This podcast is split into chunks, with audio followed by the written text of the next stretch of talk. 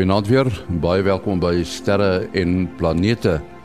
Ons het vanaand vir eh, professor Mati Hofman van die Digitale Planetarium, die Bodensterrewag en die Universiteit van die Vrystaat, ook vir Willie Koorts van die SAAO en ook vir Nick Erasmus, 'n kollega van Willie Koorts by die SAAO.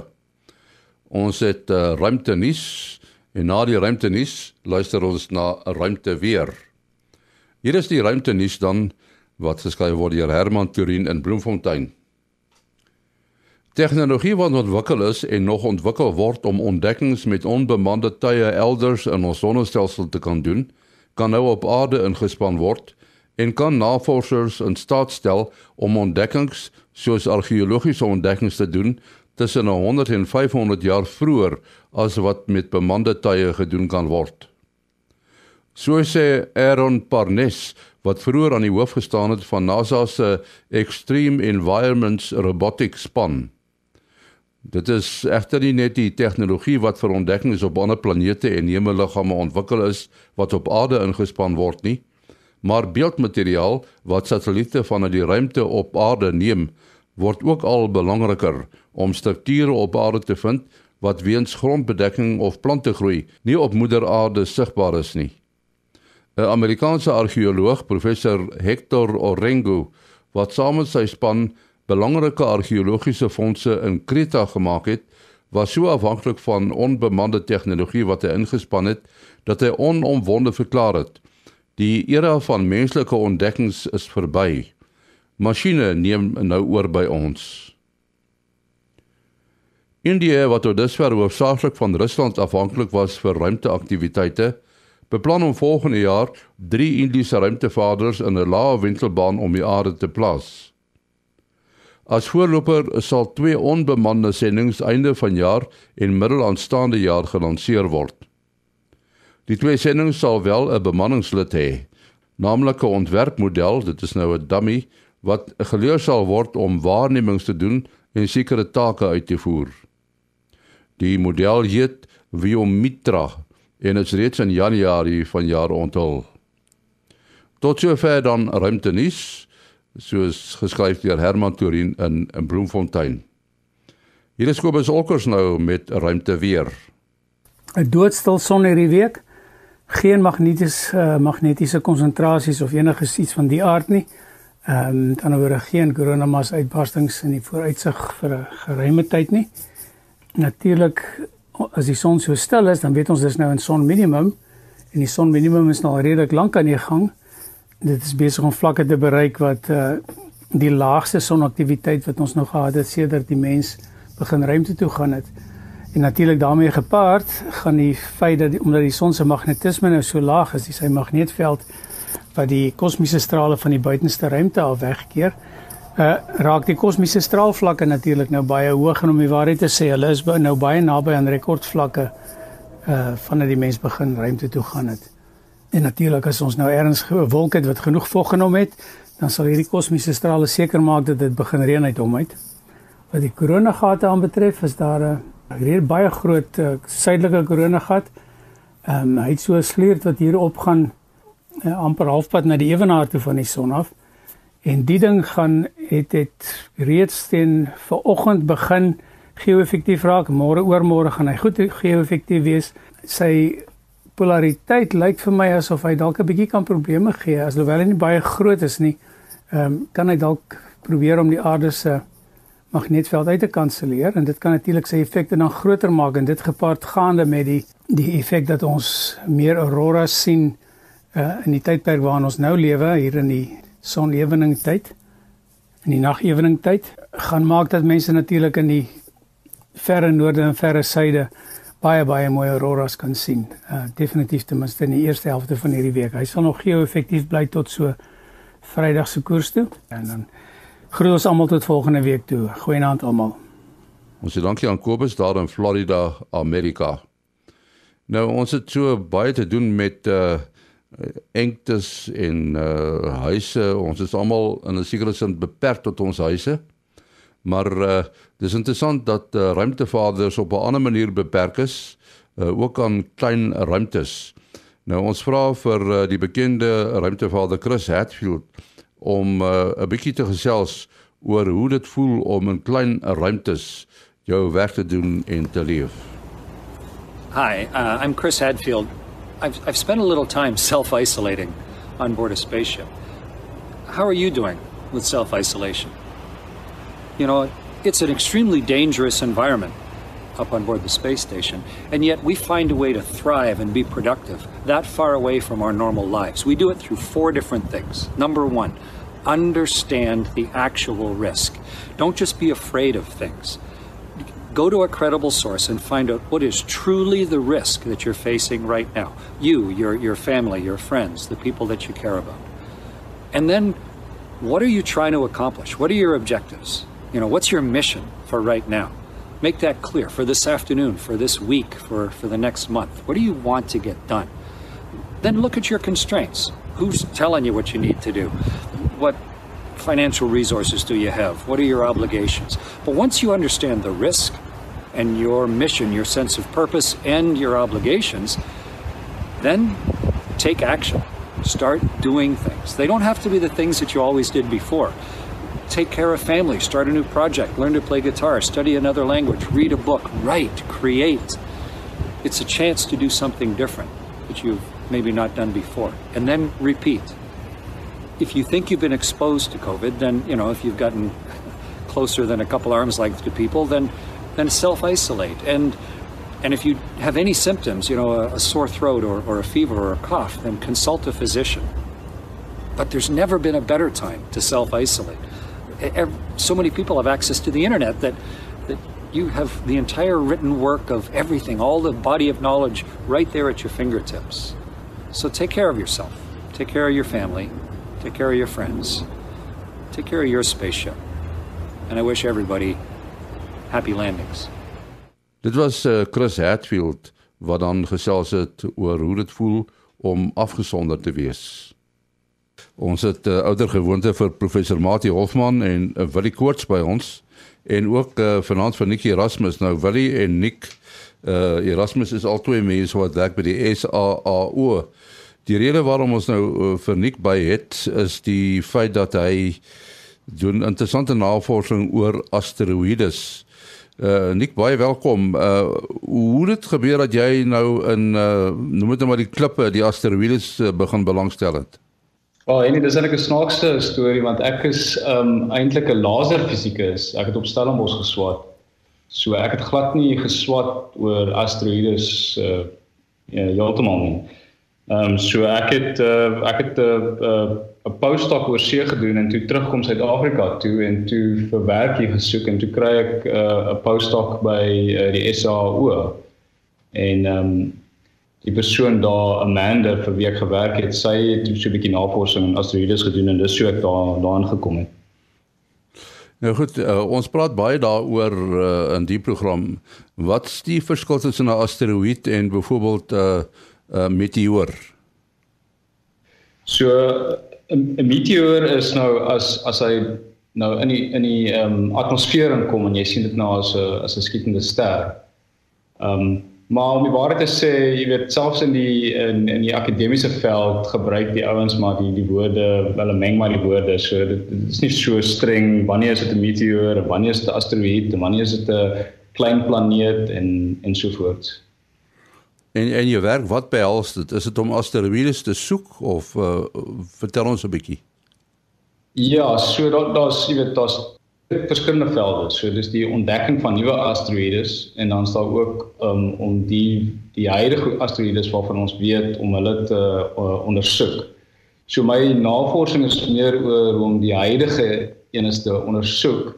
Um, maar ek het ek is so 'n bietjie betrokke by van die ontdekkings ook. As jy sê jy is bet, uh, betrokke by die ontdekkings, is dit teleskoop ter sprake of hoe werk dit?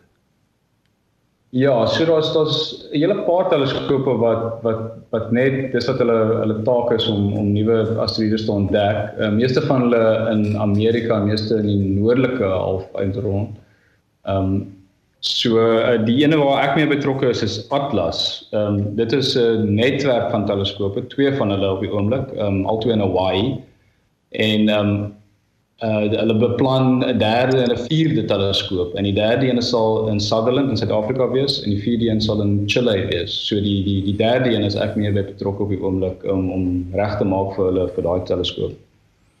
En, en hoe sal 'n mens nou weet jy kyk na 'n asteroïde? Jy kan hulle maklik sien in jou in jou uh, jou fotos. Ehm um, hulle is hulle skuif relatief tot die sterre. So gewoonlik as jy iets sien uh, deur 'n teleskoop uh, as jy nou op die op die sterre ehm um, hoe sou mense sê uh, as mens na die sterre kyk en jy en jy sien iets beweeg dan is dit of 'n satelliet of 'n asteroïde. So jy sien hulle hulle nogal maklik. En hulle is oral. Hulle ons noem hulle the vermin of the sky types.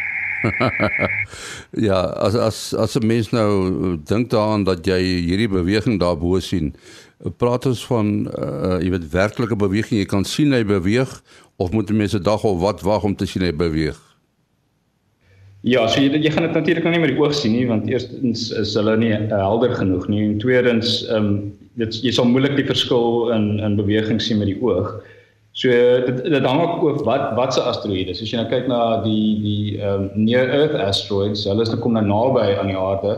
Hulle beweeg heel wat vinnig. So as jy sê nou maar uh, eh, 5 sekondes later kyk, sal jy met die oog sien dat dit verander. So as jy 5 sekonde verskil tussen jou twee foto's het, dan dan sal jy die die, die beweging sien. Die die in die uh, main belt, hulle beweeg nou heel wat stadiger. Ehm um, daar moet jy miskien wag vir 'n minuut of twee as jy voor die enige beweging sien. En as jy nou nog verder kyk na die in die in die Kuiper Belt, dan moet jy beteken tyd eers 5 minute of selfs 10 minute wag voor jy enige beweging sien. En uh as as 'n mens nou weet so asteroïde sien, uh het hy dan 'n naam al of moet die naam nog gegee word? So sodra 'n asteroïde ontdek word, dan word hy uh hy, hy word 'n uh, um uh wat ons met designation gegee. Ehm um, so daar's 'n instituut, die Minor Planet Center en so soos die ontdekkings na hulle toe gestuur word, gee hulle uh, designations vir die asteroïdes en gewoonlik is dit die jaar en dan uh 'n paar ehm um, uh letters en nommers wat vir jou sê waar in die jaar dit on, die ontdekking was. Party van die asteroïdes kry name maar daar's nou oor 9 oor die 900 000 asteroïdes in daai database so hulle het na rukkie opgegee met die name so nou nou gebruik mense maar net die die die datums en die die die letters Ja, wat mense eintlik bekommer is hierdie sogenaamde naby aarde asteroïdes nê, nee, want mense weet nou nie watter rigting hy kom nie. Presies, ja. So, ehm um, Hulle kom van alle rigtings af en dis hoekom die die die ehm um, dit dit belangrik is dat die die uh die ontdekking teleskope die die netwerk dat jy in die in die in die noorde en in die suide teleskope het. En dis juist hoekom hulle in Suid-Afrika ehm um, nou wil bou. Ehm um, en ook in ander ehm um, tydsone. So dan kan jy 24 ure 'n dag kyk. Ehm um, so Suid-Afrika is eintlik perfek want dis dis die teenoorgestelde kant van die aarde as as Hawaii. So dit is 'n ander tydsone en dit is in die in die ander in die, die suid. Mens vra jou die vraag of uh, as 'n mens nou so iets sien en is 'n taamlike grootte en dit lyk of hy die aarde gaan tref, wat kan 'n mens daaraan doen? Nie veel nie. Wel, hang af hoe groot en dit hang af hoe ver hy weg van ons af as jy hom ontdek die gelukkige ding is dat die die ons ons dink ons weet van van 90 meer as 90% van die die grootte so die sê net maar bo 1 km. So laat ek 'n bietjie ter, uh, terugstap. So ehm um, uh die die gevaarlike ehm um, naby uh uh aarde asteroïdes is die sê net maar groter as 30 meter. Ehm um, as dit enigiets groter as dit is, dan sal 'n uh, redelike groot gedeelte van dit na die, die oppervlakte maak sodat dit dit dit kan dan 'n groot impak maak. Ehm um, maar daar's 'n daar's 'n blind blind spot sal ek sê so tussen 50 meter en 1 km. Die 1 km outjies, hulle is maklik om te sien want hulle is groot. So ons weet van al, al daai is. Ehm um, die kleiner oudjies so die wat 10, 20 meter is, jy weet, uh, ons wil hulle van hulle weet, maar jy weet as hulle ons tref, dit gaan net 'n groot bang wees. Jy weet, dit is nie dit is nie te ernstig nie. Dis hierso so tussen 50 en 500 meter. Daai is 'n bietjie van 'n blind spot want hulle kan groot skade veroorsaak en hulle is ook moeilik om te sien. So jy sien hulle dalk 'n paar weke as jy gelukkig is 'n paar maande voor die tyd. En jy weet as dit 'n is dit 'n 500 eh, meter uh, objek is en ons het net een week se se warning dan um, kan dit dalk 'n probleem wees ja. Daardie asteroïde wat uh, daar in Rusland by uh, Chelyabinsk uh, ontplof het. Hoe groot was hy? Ek dink hy was so net onder 20 meter. So dit was iets soos tussen 10 en 20 meter. Natuurlik, ehm um, alle asteroïdes is nie gemaak van dieselfde of het nie dieselfde ehm um, struktuur ehm um, binne nie. So dit maak ook natuurlik saak hoe daai asteroïde ehm um, ehm um, so struktuur binne is uh, kan ook 'n verskil maak in um, in die uh, skade wat die impak. So natuurlik is is dit 'n uh, as dit 'n asteroïde is met 'n uh, metallic core en hy is ook 20 meter um, kan dit uh, groot skade veroorsaak. Uh Nick, ek is nou net geskiedig daar die Chelyabinsk uh meteoriet wat jy nou gesê het so in die omgewing van 20 meter was. Uh as ek reg onthou het, het hy op die ouente in 'n meer, 'n bevrore meer geval uh wat nou 'n ander effek uiteindelik gehad het seker as wat dit op uh, die soliede oppervlak gehad het. Sê nou maar dit het op die grond geval, uh, sou dit aansienlik meer skade veroorsaak het. Dit het reeds uh, soos dit was redelik skade oor 'n wye afstand by wyse van gebreekte vensters en so aan veroorsaak. Maar hoe sou dit andersins gewees het? Ja, wat jy ook moet onthou met met daai situasie is dat meeste van die skade was eintlik nie eh, die die impak self nie, maar die ontploffing van die ast, uh, asteroïde in die atmosfeer. Ehm um, so daai stukkie wat in die meer geland het was seker maar so ek skat nou so groot soos 'n sokkerbal of so iets. So dit was maar baie klein stukkie wat dit na die aarde toe gemaak het. Maar dis 'n belangrike ding want ehm um, uh jy weet jy kort nie baie groot uh, asteroïde om 'n groot ontploffing in die atmosfeer te hê en dit is genoeg om vensters te breek. So dit selfs klein asteroïdes kan groot skade veroorsaak. Ja, ja, ja, dis nou interessant jy het ge, verwys na 'n sokkerbal, die meteoriet wat so 'n paar jaar terug uh daarso in ek dink in Botswana neergeval het. Uh wat oor 'n wye deel van Suid-Afrika aan die noorde gesien is, het hulle beraam was so nie orde van die grootte van hulle het van 'n rugbybal gepraat maar 'n sokkerbal en rugbybal is al baie dieselfde nê maar uh, ek kon onthou dat hulle gesê die die die energie wat dit uh vrygestel het was nog steeds 'n hele paar die ekwivalent van 'n hele paar uh atoombomme gewees. Ja, ek het nou nie die nommers voor my nie, maar ek ek het ook so iets in my kop. Ek dink dit was iets soos 'n meter, maar ja, dit dit was ook 'n redelike groot ontploffing, net selfs van 'n meter groot uh, asteroïde. Uh ja, daar was uh, natuurlik dit was in 2018 daai in Botswana en 2019 was daar 'n soortgelyke ene oor die Caribbean omtrent dieselfde grootte, ja. En dit was weer weer eens in Junie en ehm um, daar was 'n baie groot ene in Junie, was dit 1908 en ook in uh uh Rusland so ja, uh Junie 20 2020 kom ons sien wat gebeur.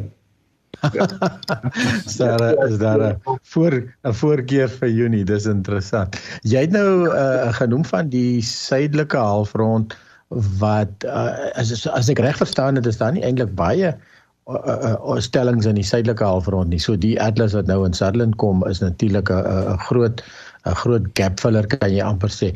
Watse ander suidelike um, uh, stasies is daar wel? Ek bedoel baie van hierdie asteroïdes word natuurlik uh, wat ons noem serendipitously ontdek. Ehm um, jy weet as mense na ander goeters kyk in die lug. So ek kan nie een een ding wat spesifiek net kyk uh vir asteroïdes nie. Natuurlik Atlas 4 wat in Chile gaan wees, gaan ook in die suidelike halfrond wees. Ja, jy praat nou van ja. Atlas 4. Uh, wat wat bedoel jy daarmee? Uh okay, so uh, uh soos ek sê, uh, Atlas is eintlik 'n netwerk van teleskope. So daar's uh, twee in Hawaii. Ehm um, hulle is hulle is so 100 km uitmekaar uit. Mekaar uit. Ehm um, en dan uh so dis Atlas 1 en 2 sal ons sê en Atlas 3 sal nou die een in, in Sutherland wees en Atlas 4 sal die een in Chile wees. So dit sal dan op die einde vier teleskoop netwerk wees wat wat 24 uur uh 'n dag en nag kyk en ook noord en suid kyk. Uh Nick, ja, ek het nou uh, nog 'n uh, uh, ding waaroor ek al uh, heelwat gewonder het is as jy jy het nou gesê die uh die as jy het gesê die asteroïdes kan uit enige rigting uitkom. Ek veronderstel jy kyk nou af op die uh vlak waarin die aarde om die son roteer vanuit die noordpool se rigting. Uh dan lyk dit mos nou uh of die aarde antikloks gewys draai en so al die planete in die sonnestelsel. Uh as jy dan die asteroïdes sou vat, is hulle dan ook seker oorwegend antikloks gewys? Uh of is daar 'n noemenswaardige aantal wat meer antikloksgewys roteer? Ag uh, eerder uh, kloksgewys roteer as mens nou uh vanuit die noordpool uh afkyk in die rigting van die aarde of afkyk op die noord. Ja, maar jy vra my nou 'n uh, uh, moeilike vraag. Dis nou baie orbital dynamics hierdie wat ek nie so ehm um, so goed mee is nie, maar ehm um, laat ek dit so stel, ehm um, ek het nou al na baie uh ontdekking foto's gekyk of uh, na baie uh, astronomiese foto's gekyk waar asteroïdes beweeg en jy sien hulle beweeg in alle rigtings uh relatief tot die sterre. Ehm um, dis amper dis amper random. Ja, iets wat ek ook op 'n stadium verstaan het en dit is hoekom jy nou kan met redelike vertroue sê dat ons het 'n uh, 90% van hulle ontdek uh ek het verstaan 'n mens moet ook nou daaraan trend. Dink die aarde is mos nou maar 'n bewegende teken. Uh, so die kans dat ons raak geslaan word is is is in die, in, in een geval 'n bietjie minder en natuurlik 'n baie klein spikkeltjie in die, in die ruimte. Maar die die die ding is eintlik soos wat ek dit verstaan is dat soos jy sê die goed se bane word bepaal uh soos hulle ontdek word en en dan um, en dan weet ons waar hulle in die lug sit en dan uh sien jy na rukkie sien jy dit weer soos wat hulle verbykom en en dan kan jy seker bevestig. So die um die feit dat daar iets sommer uit die bloute uit gaan kom raak relatief minder as ek dit reg het soos wat ons meer en meer van die wat um wat se bane herhaal uh, ontdek. Is dit is dit min of meer so iets? Uh dis korrek Willie, maar jy moet onthou dat die daai daai groottes waarvan ek voorheen gepraat het, so tussen 50 meter en 500 meter. Hulle met 'n redelike groter teleskoop, sien maar 'n 1 meter teleskoop, kan jy net sien as hulle relatief naby is. So natuurlik, ek net hier wat naby ons kom. Ehm um, so dit is waar, ehm um, jy ontdek hulle as hulle naby ons kom en dan weet jy wat die die die ehm um, wentelingsbaan is en dan kan jy nou uitwerk wanneer hulle weer naby kom en dan as hulle weer naby kom kan jy daai daai baan meer ehm um, beter ken. Maar ja, dit gaan 'n hele rukkie wees voor ons al daai ehm um, daai 50 tot sien maar 500 meter asteroïdes ontdek. Dit gaan 'n dit gaan net 'n lang tyd vat want hulle moet naby ons kom voor ons hulle kan ontdek. So die die die die tempo van ontdekking is nog nie besig om af te neem nie want dit beteken ons weet nou of van ontdekking van nuus is, is is dit nog is dit nog op op 'n plat lyn daar. Presies, dis so ons weet dat daar daai die regte groot een is dink ons ons weet van meeste van hulle want daai daai ontdekkingstempo gaan af. Maar die okay. klein is, jy weet ons soos daar meer ehm um, sisteme ehm um, gebou word, uh, gaan die gaan die tempo op nog. So ja, dit ons dek dek klein is elke dag. ja, jy praat van die bane wat jy bepaal het. Maar hierdie baan kan natuurlik verander word as so so 'n klip naby 'n planeet of so iets verbygaan dat die swaartekrag die baan verander. Kan dit? Presies ja, so baie van hierdie wat baie naby aan ons kom, so sê net maar kan nou dink daar was uh wat se jaar was dit? Dit was uh 20 uh, die asteroïde was 2012 DC uh 4 of so iets. Ek kon nie heeltemal onthou nie.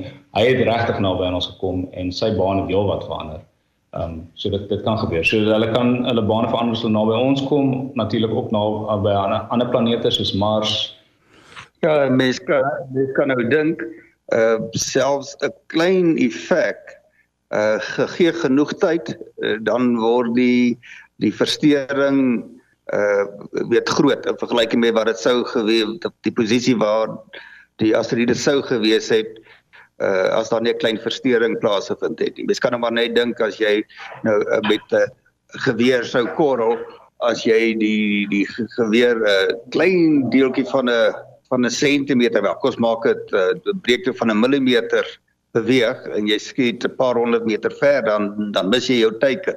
Uh so 'n defeksie in terme van hoek gaan 'n groot uh verskil in die posisie hê 'n uh, paar jaar later. Presies ja, dis dis juist die tegnieke wat hulle wil gebruik as ons nou môre iets ontdek wat ons wat ons gaan tref jy weet jy, jy kort eintlik nie 'n baie 'n uh, 'n groot effek om die om die uh, dat dat die posisie van die aarde en die asteroïde verskillend kan wees solank jy dit lank voor die tyd doen.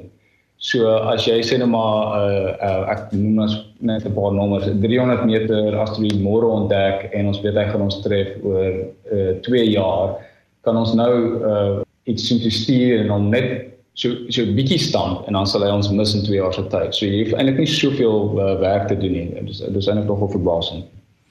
Nou is daar uh, asteroïde wat op pad is. Uh so op die oomblik uit die 900 000 wat hy uh, wat huidig in die uh, database is, is daar geen wat um, op op um impakkoers met ons is nie. So ons is ons is veilig daar. Maar dis die, die wat ons nou besig is om te ontdek wat um wat die moeilikheid is. En ons het ons het al een of twee ontdek voor hulle ons getref het, maar dit is weer eens hierdie kleintjies. Dit is 1 meter, 2 meter, miskien 10 meter uh, grootte. En en hierdie asteroïdes kom kom hulle meestal uit die asteroïde gordel. Hierdie near Earth asteroids dis, dis nou uh, asteroïdes uit die asteroïde gordel wat gesteer word deur ehm um, gravitasie van die groot planete soos Saturnus en um, Jupiter. Is is daar nie nou 'n uh, asteroïde op pad met die naam van Atlas nie? Uh so daar is 'n komeet met die naam van Atlas. Dis 'n komeet, dis reg. Kan jy iets vertel van hom? Ehm um, ek ek is ek weet nie baie van komete nie, maar ek weet dat uh, Atlas hierdie komeet ek dink ontdek het uh einde laas jaar en hulle vermoed dat hy uh, so helder gaan word by die tyd wat hy naby ons kom dat uh, jy hom dalk met die met die oog kan kan sien. So dit is nogal um, opwindend. Ja, net net ongelukkig. Ons is in die verkeerde halfrond. Die keer ons uh, was baie gelukkig met Lovejoy destyds wat ons nou die die die die die, die in die regte kant van die van die vertoning was. Ehm um, ja, so Atlas soos jy sê hierdie hierdie komeet Atlas, uh, dit is natuurlik soos jy sê vernoem na die projek wat hom ontdek het. Interessante baan, hy gaan nie so na aan die son kom nie, maar gaan wel baie na aan die aarde kom. So die aarde en die komeet is min of meer dieselfde kant van die son of dieselfde tyd. So die 31ste Mei is hy op die naaste aan die aarde maar dan dit maar 11 grade van die son af en dis in die noordelike halfrond. Uh dan as die komeet dit oorleef en on, en om die son beweeg, dan gaan ons so 'n uh, uh, effense kansie kry om te sien in die begin van Junie in die oggende, so jy moet vroeg opstaan. Maar ons uh, sulke komete is baie moeilik om te voorspel want hulle kan uitmekaar uit vir al die eerste keer in die as hulle om die son kom draai soos hierdie ene uh dan kan enigiets gebeur. Hulle hulle kan hy die kom iets baie besig om baie mooi te verhelder op die oomblik. Uh vinniger is wat uh, hy uh, teoreties moet verhelder uh wat 'n goeie um uh soos jy sê gesig geleentheid gaan gee. Die nadeel is net uh, dit kan ook wees dat die komeet dan uitmekaar uitgeruk word deur die son en dan heel verdwyn. So die tyd dat hy om die son beweeg het as dit oorleef dan dan het ons dalk 'n kans in die begin van uh, Junie. Kom ons moet nou begin groet. Nik baie dankie dat jy deelgeneem het vanaand. Uh ons uh, wil net weet uh het jy 'n e-posadres as mense vra het? Ja, sekerlik. Hulle kan ehm um, nerasmus@sao.ac.za. En wat dit is jou adres ook of uh jy het nou jou naam daarbey? WPK ja ons werk van ons werk nog op op op die ou stelsel ja so ek is WPK by SAOACZ uh, of 0724579208 0724579208 en dan uh, Mati 0836257154 0836257154 en dan my e-posadres maas.henny@gmail.com maas.henny@gmail.com Tot volgende week. Mooi bly.